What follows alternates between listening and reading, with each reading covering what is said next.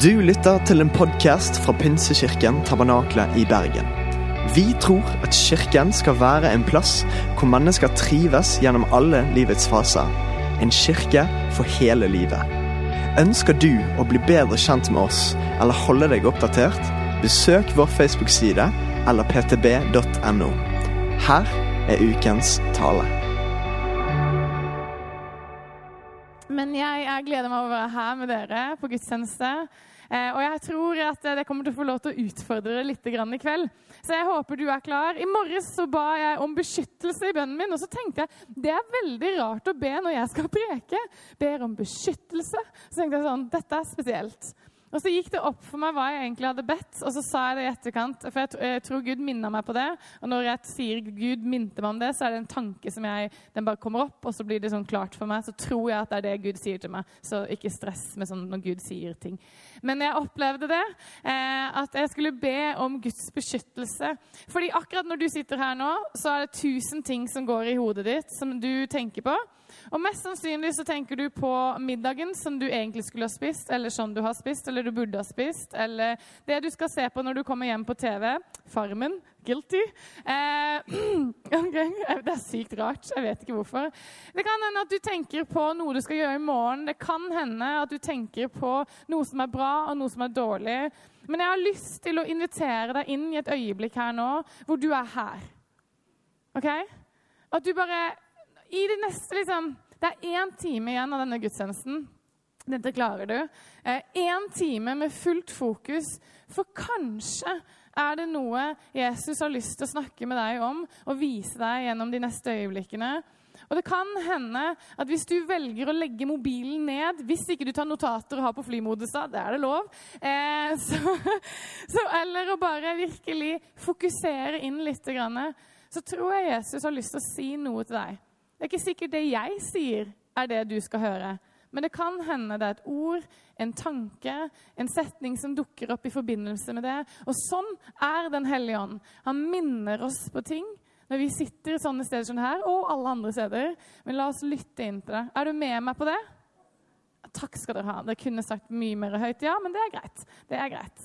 Du, eh, vi er da midt i Daniels bok, eh, eller serien, som eh, vi skal ha denne måneden. Og jeg utfordrer, deg, som eh, Tobin snakka om, at det å lese Bibelen sammen det gjør at vi kommer litt mer klare til gudstjeneste. Og jeg har lagt merke til De gangene jeg er i en bok eller et, liksom, et skriftsted eller et kapittel, så blir det større og større for meg. Eh, og da når jeg hører noen snakke om det, så blir det ikke bare noe som noen snakker om, men da blir det liv. Og Derfor så tror vi på at det, når vi leser sammen, så blir det større. Og så vil det se forskjellig ut, for du vil hente ut noe, du vil hente ut noe annet. Og så vil vi sammen få lov til å oppleve mer av hva Gud har for oss gjennom denne boken. Og denne boken er spenstig. Den har alt mulig. Den har drama, den har rart språk, den har apokalypse. Altså Det høres jo i seg selv helt sjukt ut, og det er det. Eh, og du har liksom muligheten til å virkelig dykke inn i en bok som både er spennende og rar på, på samme tid. Eh, og vi skal gå sammen om dette. Tittelen min er 'Om han redder meg eller ikke'. Om han redder Altså da Gud, hvis du lurte. Eh, redder meg eller ikke. Og det som vi snakka om, er at, eh, denne gudstjenesten på formiddagen i dag den hadde bredden av livet. Og jeg vet faktisk ikke hvordan du har det, fordi jeg merker at jeg kjenner færre og færre eh, i denne salen, for den blir større og større. Og det er jo kjempeflott. Men utfordringen er da at jeg vet ikke hva du går igjennom. Kanskje så er livet ditt på skinner. Du har liksom du har liksom alt på stell. Eller så kan det hende at du er det som kalles den dypeste dalen. Du tviler på Jesus. Du vet egentlig ikke hvorfor du sitter akkurat her. Det kan være at du tenker bare livet mitt er helt greit. Midt på treet. Ingenting spennende, ingenting dårlig. Det er bare Ja, nå er jeg her. Men jeg tror at det er noe her i denne boka, i de kapitlene som vi skal lese, som kommer til å utfordre oss og kanskje riste oss på riktig plass der vi trenger å være. For hva skjer i de øyeblikkene når møter, altså troen møter tvilen, og når, når ting ikke går så bra? Når ting eh, føles ut som den sjukeste trust exercisen Jeg bruker dette som et bilde ofte med livet mitt med Gud. Og så kan du tenke det var da veldig dramatisk. Jeg er litt dramatisk. Um, og det er noen ganger jeg føler det å leve sammen med Jesus Ikke misforstå meg, jeg elsker å leve sammen med Jesus. Men det å leve sammen med Jesus kan noen ganger føles ut som den sykeste trust exercisen. Jeg oppå Ulrikken, Jesus nede på Kronstad, og jeg hiver meg ut eh, og sier catch! Eh, men det som er greia, er at jeg igjen og igjen ser at Jesus tar meg imot. Og Noen ganger så møter han meg på toppen av Ulrikken, og det er veldig godt. Eh, og så er det sånn at han, han, vet akkurat hva som er bra, han vet den beste veien, og han har meg, og han holder meg. Men det er noe med disse sangene som vi synger. Vi synger noen sanger, noen sanger som er ganske utfordrende noen ganger. Jeg vet ikke om du har lyttet til teksten, men noen av disse sangene kommer fra noen av de dypeste dalene, noen av de øyeblikkene som bare virker helt forferdelige. Og der kommer det vakre sanger ut av den, den historien, og den, den, at Gud var der. Han var trofast til og med midt i dalen. Og det er noe med de menneskene som har gått sammen med Jesus i mange år, som har opplevd dybden av tvilen, dybden av, av sorgen, og så kjenner de at Jesus holder. At troen holder. Og så er det som om man hører det er bedre å være én dag i ditt hus enn tusen dager et annet sted. For når vi setter Jesus på førsteplassen, så faller alt på en måte i riktig rekkefølge. Jeg lover deg ikke et enkelt liv sammen med Jesus. Jesus gjør det ikke engang. Ingen egentlig gjør det. Hvis de gjør det, så ville jeg ikke hørt på dem. Eh, bare sånn, hvis du hører noen som sier det, det blir superbra med Jesus. Det er livet. Og livet er bra, og det er utfordrende. Men det er sykt mye bedre med Jesus, og det kan jeg love deg. Serien Daniel vi er inne i boken Daniel, og hvis du ikke var her sist eh, søndag kveld, så snakka André litt om konteksten. Israelsfolket, altså Guds utvalgte folk, er sendt i eksil. De er ute av landet som representerte selve liksom, velsignelsen. Det er, det er liksom det beste på jord når de var hjemme i landet. De hadde tempelet der. Ting var liksom kjempebra. Men når de ikke fulgte det som var best for dem, så ble de sendt i eksil, og vi ser det igjen og igjen og igjen. Men denne gangen blir de sendt ut i Babylon. Og det som er, er at eh, Kongen Nebukadneser tar til seg tre av disse fire av disse gutta her, kanskje noen flere faktisk, men disse fire gutta som vi skal høre litt fra om i dag. Og De blir tatt inn i Slottet, og da snakker vi ikke slott som Norges eh, slott, som er sånn der, eh, First Price-versjon. Nei, det er liksom det er Versailles-slott, det er liksom gullkar, og det er, det er fråtsing. Har dere sett på Instagram så er det sånn populært nå med sånne, sånne, bare et bord med masse mat rett på bordet? Sånn masse fine Er det ingen som har sett det? Det er sånn Pinterest-greie. Greia er at Det var hver dag til alle måltider og mange måltider. Eh, og de får utdannelse, og de får alt det de trenger. Og dette ser ut som en drømmesituasjon for enhver ung person. Men det er ikke det. For de er fortsatt i fiendens leir. De er fortsatt tatt i fangenskap. Og selv om det oppleves som om det er fantastisk, så blir de utfordra og satt i noen situasjoner som krever mot, og som krever at de står på det som Jesus, eller Gud, har sagt at de skal gjøre. Fordi i Bibelen så var det noen lover. Det er noen ting som var bra for dem, noe mat som var bra for dem, og noe mat de ikke skulle spise. Det er noen ting de skulle gjøre, og de skulle for all del ikke tilbe noen annen gud enn Gud. Og det som er at Tilbedelse og mat hang veldig godt sammen. Og det passer meg veldig godt, for jeg er veldig glad i mat. Og jeg kunne tenkt meg at vi hadde litt mer tilbedelse, lovsang, og så stappa vi litt mat inn i munnen. Men greia er at dette hang så sammen. Så når kongen sier til disse gutta dere skal spise av alt jeg har, så sliter disse gutta med dette. Fordi dette betydde at de måtte si ja til å tilbe en annen gud. Så de sier nei. Vi nekter. Og så leser vi Daniel 1, 11-17 om dette. Daniel sa til oppsynsmannen som hoffsjefen hadde satt over Daniel Hanaya, Mashal, bla, bla, bla. Prøv tjenerne dine i, det er sånn rare navn. Prøv tjenerne dine i ti dager. Gi oss grønnsaker å spise og vann å drikke. Så kan du sammenligne vårt utseende med de unge guttene som spiser av maten fra kongens bord, og behandle tjenerne dine ut ifra det du får se. Han hørte på dem i denne saken og prøvet dem i ti dager. Da de ti dagene hadde gått, viste det seg at de så bedre og sunnere ut enn de guttene som hadde spist av maten fra kongens bord. Så, så lot oppsynsmannen dem slippe den maten og vinen og ga dem grønnsaker. Jeg er veldig glad i grønnsaker, så det passer meg perfekt, denne historien her. Men det er noe som er først. Gud hadde sagt noe, og dette kunne de ikke, kunne de ikke gå på, på kompromiss med. Min første utfordring er hva er dette i vårt liv?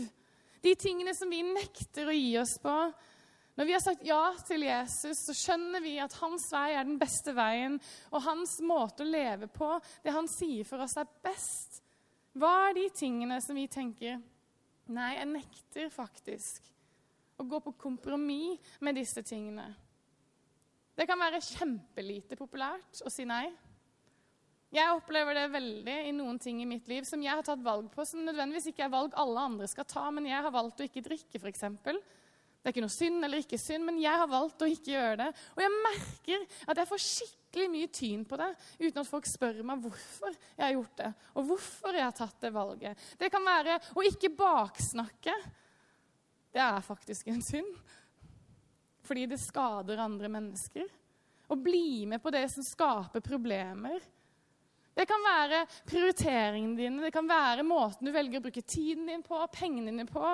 Det ser veldig forskjellig ut fra person til person, men jeg vet at Gud gir oss noen ting som vi skal gjøre fordi det er best for oss. Og det kan se forskjellig ut fra person til person fordi vi er forskjellige. Og så er det noen ting som er universale. Og det er at vi setter Gud først. Men hva er de tingene i vårt liv som gjør at vi sier at det var Gud først. Vi bryr oss mer om hva Gud mener, enn hva andre tenker. Så skjedde det at kongen får noen drømmer som gjør at han er så urolig at han ikke får sove om natten. Så han kaller til seg alle åndemanere, drømmetydere, eh, trollmenn, stjernetydere osv. Og, og det lover kjempebra. Eh, for å få svar på hva er dette her. Og så sier han da Hei, velkommen hit. Jeg har hatt en drøm. Eh, så nå skal dere både finne ut drømmen og tyden. Og alle er sånn eh, Det her funker ikke. Du må fortelle oss drømmen. Eh, og så sier han dette her. Dette er min faste beslutning. Og jeg tenker Når folk begynner en setning der, da er det fast. Hvis dere ikke forteller meg både drømmen og tydningen, skal dere hugges i biter, og husene deres skal legges i grus. Og så tenker Han er litt sint. Han har ikke sovet så mye. ikke sant? Men hvis dere forteller meg både drømmen og tydningen, skal dere få rike gaver og stor ære av meg. Fortell meg derfor drømmen og tydningen. Og folk bare Æ! Hæ? Det her, ikke, det her sto ikke på min arbeidsbeskrivelse. Jeg fikk beskjed om å drømme, tyde, eh, tyde drømmer. Eh, jeg har aldri fått beskjed om å finne opp drømmene også. Men Daniel hører dette, for han er en av de som har blitt kalt inn på teppet. Så stikker han hjem til kompisene sine og forteller hva som har skjedd. Og så sier de, 'La oss søke Gud'. Og la oss be Han vise det, Han som vet alt så folket vårt ikke går til grunne. Og så viser Gud de dette. Min andre utfordring er det. Hva gjør du som det første når utfordringer møter deg? Når du får høre at du potensielt kan altså, bli hugga i biter og litt sånne ting. Mest sannsynlig ikke en del av din hverdag. Men hva gjør du hva er det første du gjør når utfordringene kommer, når den beskjeden som du trodde ikke skulle komme, kommer, eller det verst tenkelige skjer? Hva er det første du gjør? Hvem henvender du deg til da? Hva er din prioritering da? Så går dagen, og så er det dag nummer to. Og Daniel Han haster ikke. Jeg hadde nok vært litt sånn La oss lage en slagplan. Vi har fem minutter. Du gjør det, du gjør det, du gjør det. Du ber for det, du ber for det. Og så bare hadde jeg laga en liten sånn greie, og så hadde jeg løpt til eh, kongen og bare sånn Hei, jeg har det! Men eh, Daniel han bare sånn Vi ber, vi slapper litt av. Dagen etter. Og så leser vi. Jeg syns det er fascinerende. En rolig fyr han er, Daniel. Daniel tok til orde og svarte kongen, og det sier noe om hans fordi På den tida så var du du gjorde ikke dette, du var ikke den som snakka først. Men, men, Daniel er litt sånn, han er frimodig. Og svarte kongen. Mysteriet som kongen spør om, kan ingen vismann eller åndemaner eller trømmetyder eller tegntyder fortelle kongen. Men det fins en Gud i himmelen som åpenbarer mysterier. Daniel gjør det så sykt tydelig at det er bare én som vet og som kjenner kongen inn og ut. Det er bare Gud som kan gjøre det han spør om, og han gir Gud så frimodig æren. Og når kongen hører dette, så sier han, som det står Da kastet kongen Nebukadnesar seg ned med ansiktet mot jorden og tilba Daniel. Litt feil. Han befalte at de skulle bære fram offer og røkelse for ham. Kongen tok til orde og sa til Daniel.: Sannelig, deres Gud er Gud over alle guder og herre over alle konger. Kongen har ikke helt skjønt det. Begynte å tilbe Daniel. Vi begynner å nærme oss. Det er i hvert fall en som kjenner Gud. Eh, men kongen er da sånn at han tilber Daniel litt her, og det er ikke så bra. Gutta får da forfremmelse i Babel, og mye Det gir de store muligheter i Babel. Vi eh, spoler litt framover i historien, og så skjer det som jeg syns er alltid like fascinerende. At store menn og slike folk tenker at når jeg dør, så skal det være en statue med meg. Og jeg tenker jeg skal ikke ha en statue av meg hvis jeg noensinne blir noe som helst i denne verden her. Jeg syns det er superweird med masse statuer av mennesker. Det er bare min personlige mening. Men kongen Nebukadneser han tenker gullstatue, og det skal være stort. 30 meter høyt og 3 meter bredt. Jeg er to Nei, jeg er ikke to meter. Men jeg er 1,76. Og hvis jeg legger meg nedover, så blir det ikke to meter engang. Og da kan du tenke deg i rein gull nedover. Er veldig bra i matte. Ja. Vi fortsetter. Men, men, jeg lurer på om kongen overkompenserer noe helt vanvittig. Altså sånn, Ingen hører på meg, så jeg bare snakker høyere. Eller ingen hører på meg eller vil tilby meg, så jeg bare lager en gullstatue i 30 meter ganger, gang 3. Nei, det er fortsatt dårlig matte, Sandre. Det her går bra. Greia er det at kongen blir liksom lurt av sine nærmeste til ikke bare å bygge denne statuen, men de sier de her gutta er ikke så fornøyd med Daniel og de da. Så de gutta sier sånn Hei, alle burde tilbe denne gullstatuen. Og det er også er veldig rart å tilbe en gullstatue, men, men, de gjør det. Og kongen blir sånn Ja, det høres ut som en kjempeidé. For jeg kan jo ikke være overalt. og la det da. Så, så det som skjer, er at folk begynner å tilbe denne gullstatuen. Min tredje utfordring er det Hva er det du blir frista til? Kongen ble frista til å få alt på seg selv. Det handler om meg, meg. Det er meg de skal se. Og vi sier i vårt samfunn i dag du må bare, du kan ikke elske andre før du elsker deg sjøl. Og det er den største løgnen som kan finnes på jord. For det handler om at du kan ikke elske deg selv før du har blitt elsket av en stor Gud. Jeg tror faktisk at du ikke skjønner kjærlighet før du skjønner Guds kjærlighet. At du er elska av Han, elsker Han tilbake, elsker andre mennesker som er et resultat av å, å bli elska av Gud. Og da elsker du deg selv, for du ser deg selv i riktig lys. Sånn som du var ment til. For når du prøver å finne deg sjøl, så finner du deg ikke sjøl i deg selv. Men når du finner Jesus, da finner du deg selv. Og jeg tror at det som er greia, er at fristelsen i vårt samfunn er at vi går innover og innover og innover. og Vi skal, liksom, vi skal, vi skal finne oss selv, og vi skal synes, og vi skal være. og Det er så utrolig mange ting som vi fristes til å lage. Vi skaper så utrolig mye i vårt eget bilde. Men hva om vi hadde satt fokuset vårt på Gud? Og hva om vi hadde latt Han være det som er vårt største Og vår første, at han får lov til å få vårt blikk. Om morgenen, om kvelden når vi legger oss, så er det han som får lov til å definere hvem vi er. Men kongen lar seg lure. Og så lyder befalingen til dere folk og nasjoner og tungemål, står det i Daniel 3. Når dere hører lyden av horn, fløyte, sitar, harpe, lutt, sekkepipe og alle andre slags instrumenter. Og jeg vet ikke med deg, men jeg har spilt althorn i et halvt år, og det var ikke vakkert. Og jeg kan tenke at dette var ikke så veldig vakkert. Skal dere falle ned og tilbe gullstatuen kong Nebukaneser har reist? Den som ikke faller ned og tilber, skal straks kastes i ovnen med flammende ild. Så skjer det, da. Alle må tilbe gullstatuen. Ingen vil inn i flammende ildovn. Men Daniel og gutta tenker nei, vi nekter. Så de stikker og gjør business as usual og fortsetter å tilbe sin Gud, Gud, herrenes herre, kongenes konge. Men så er det alltid noen haters som tyster på dem, og de ender opp å stå foran kongen, blir dratt inn, kalt inn på teppet. Er dere ikke villige til å tilbe denne gullstatuen som jeg har stilt opp? Ser dere ikke hva jeg har gjort for dere? Kan dere nesten høre. Er dere klar over at hvis ikke dere tilber, så jeg, må jeg faktisk kaste dere i ovnen med flammende ild? Finnes det da noen gud som kan berge dere fra min hånd? sier denne kongen. For et spørsmål. For å si nei til det, da er du ganske modig, og du er potensielt ganske sikker i din sak.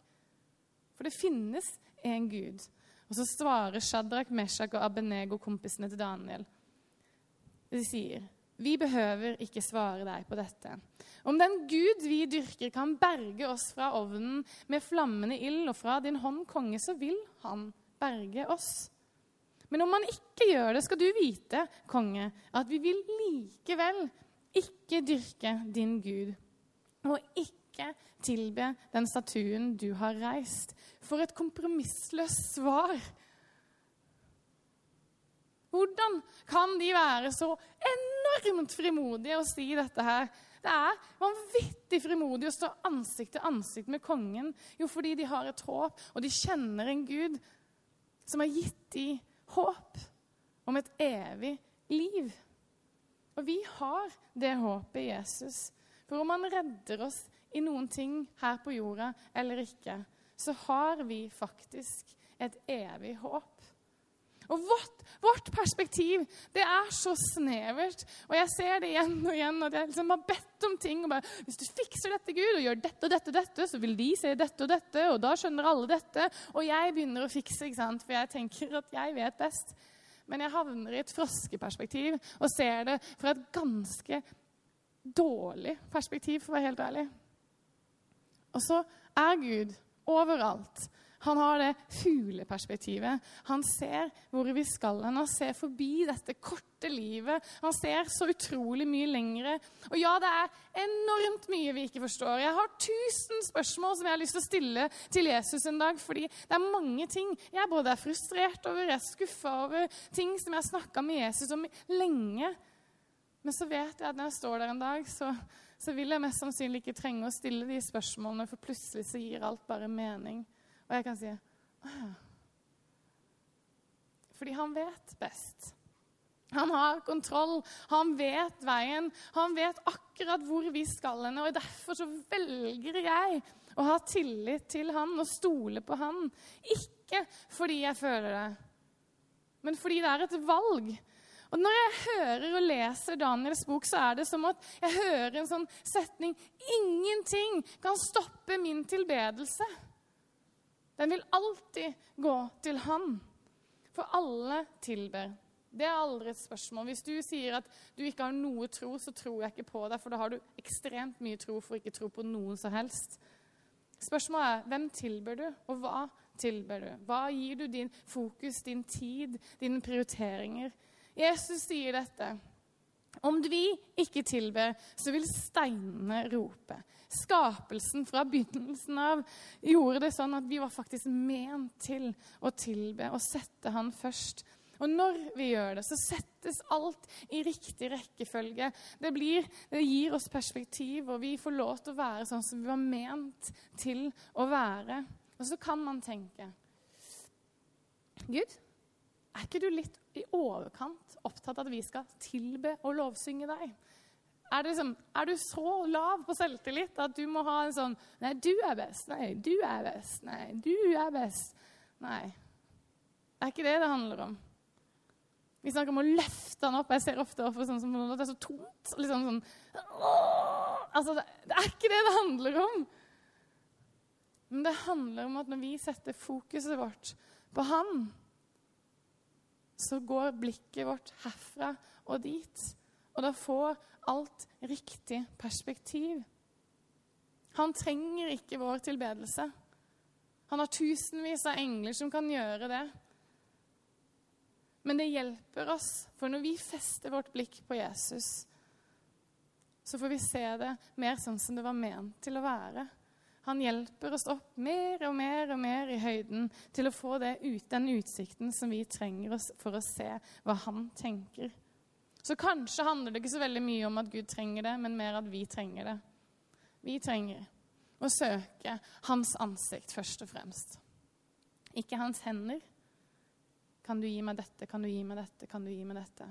Du skal spørre, og du skal spørre frimodig. Fortsett med det. Men la din første prioritet være å søke øynene hans. Og bare være hos han.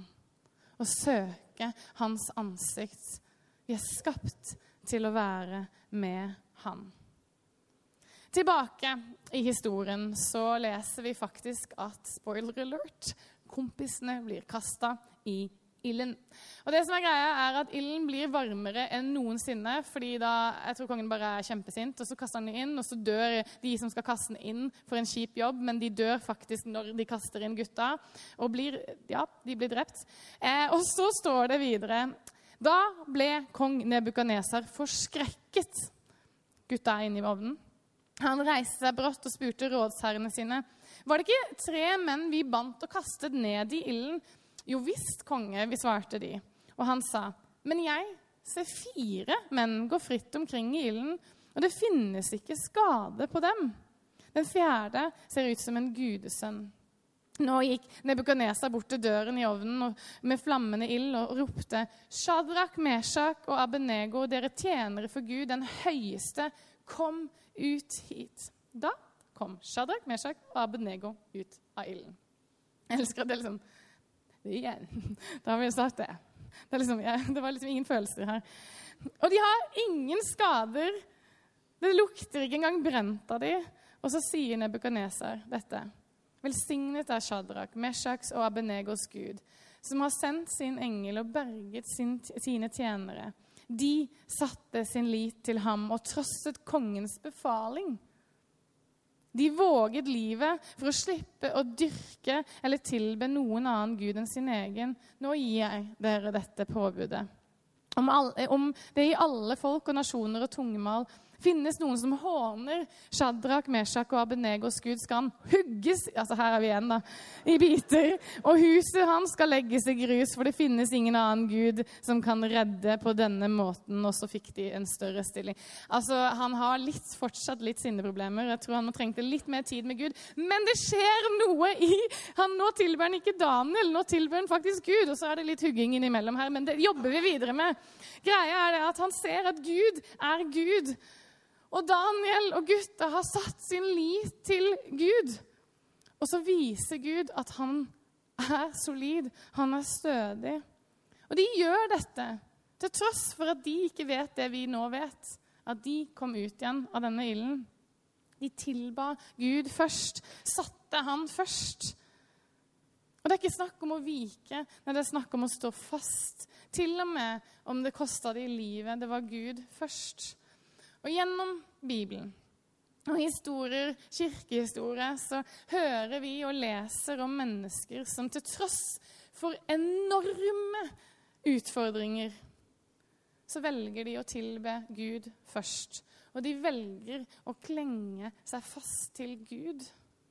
Det er det valget Min fjerde utfordring til deg er hva gjør du når livet møter deg, når du ikke får de der svarene som du vil ha her og nå? Velger du fortsatt å tilbe Han? For gutta i Daniels bok så var dette et valg, ikke en følelse.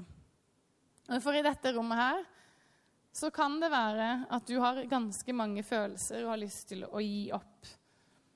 Men så og det kan være utrolig utfordrende å stå med løftede hender, egentlig bare stå her. Det kan godt hende du sitter og holder deg fast i stolen akkurat nå, fordi du er klar for å gå ut den døra når, du, når dette slutter, og du tenker 'Kan du bli ferdig snart?'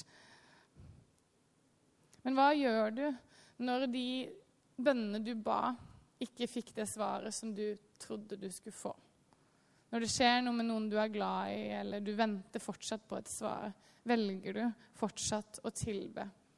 Søker du fortsatt hans ansikt først?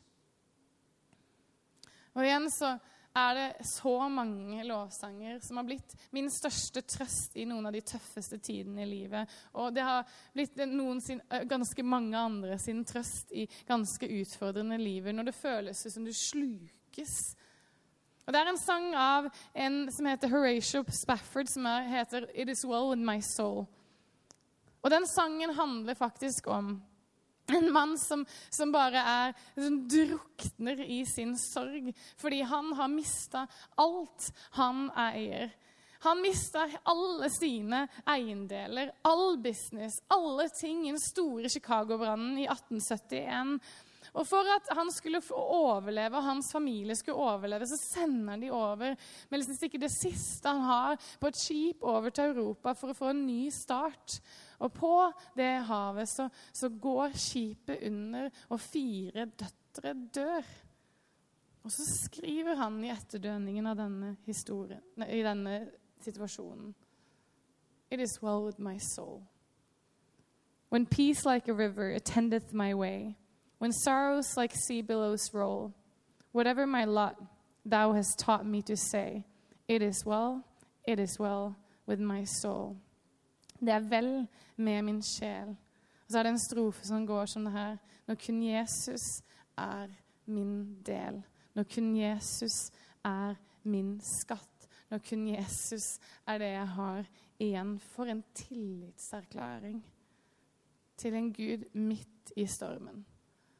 Og jeg vet ikke hvor mange ganger denne sangen har vært et holdepunkt for mennesker gjennom tøffe stunder. For én ting vet vi det er at til tross for alt som potensielt kan skje, så er det vi som har sagt ja til Jesus Kristus, til å ha sagt ja til det livet han har gitt oss, så er det vel med vår sjel. Fordi når han døde og sto opp igjen, så ga han oss en mulighet for en ny start og et evig liv. Om ting her ikke alt er så lett, så vet vi at vi har en fantastisk framtid i møte og vi kan få lov til å kjenne at disse sangene blir pust, en pust i bakken. Det blir en kampsang.